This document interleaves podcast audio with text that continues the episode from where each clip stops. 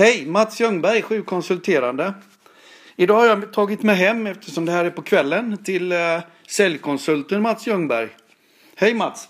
Ja, hej Mats! Du, eh, du ser nyduschad ut. Ja, jag har haft ett litet träningspass här nu efter eh, en lång dag och rensat hjärnan lite. Okej. Okay.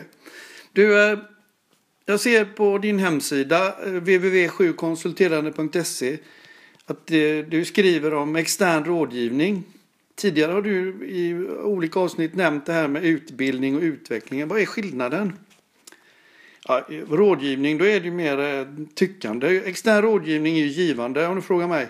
Och eh, det är ett tyckande, ett ifrågasättande där man eh, helt enkelt jobbar med kanske saker som redan finns och så tar man dem till nya nivåer. Ja, men hur går det här till då? Jo, min kund, eh, klient, eh, adept har en uppgift som han ska utföra eller en organisation eller aktivitet eller liknande. Som han då eh, informerar mig om, skickar över informationen. Jag förbereder mig, vilket är viktigt. Ni vet ju att framgång består till 90% av förberedelse. Sen sätter vi oss ner och så kanske jag tycker något, jag kanske frågar. Framförallt så är min ambition är att sätta igång tankeverksamheten hos min motpart eller medpart.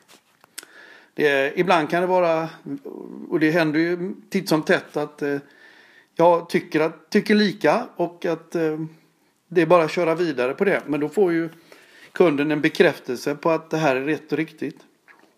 Okej. Okay. Men vem, vem är det du känner har behov av det här? Ja, alla inklusive jag själv. Ehm, men eh, säljchefer, vd, ägare är ju exempel på mina kunder så att säga då.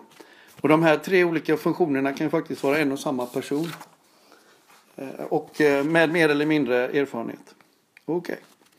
Du, har du något namn på det här? Ja, jag, har, jag kallar det för bollplank nummer sju. Och det innebär? Jo, det innebär att vi, vi avtalar ett antal timmar under ett antal månader. Inför varje möte så skickar jag ett mejl en vecka i förväg. Eh, där jag eh, frågar vad vi ska ta och prata om och vad jag ska förbereda om för denna gången.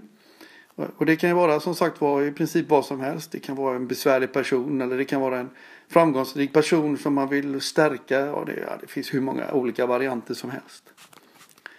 Ehm, men om inte kunden har någon agenda vid det tillfället då? Ja, har han inte det så gör jag ju någonting som jag tycker är minst lika viktigt som förberedelse.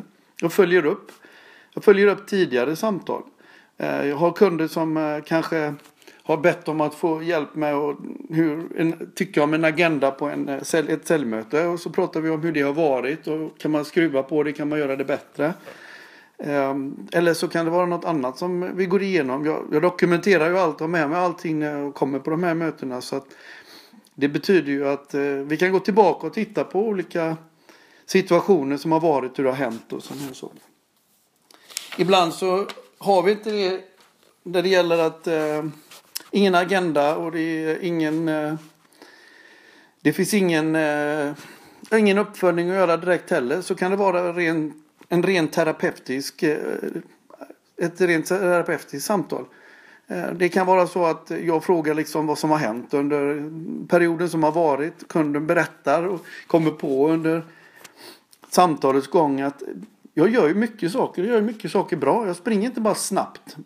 Men, men man glömmer eh, oftast av de här sakerna. Och eh, man kanske bara fokuserar på det som är jobbigt och det som är tungt. Då.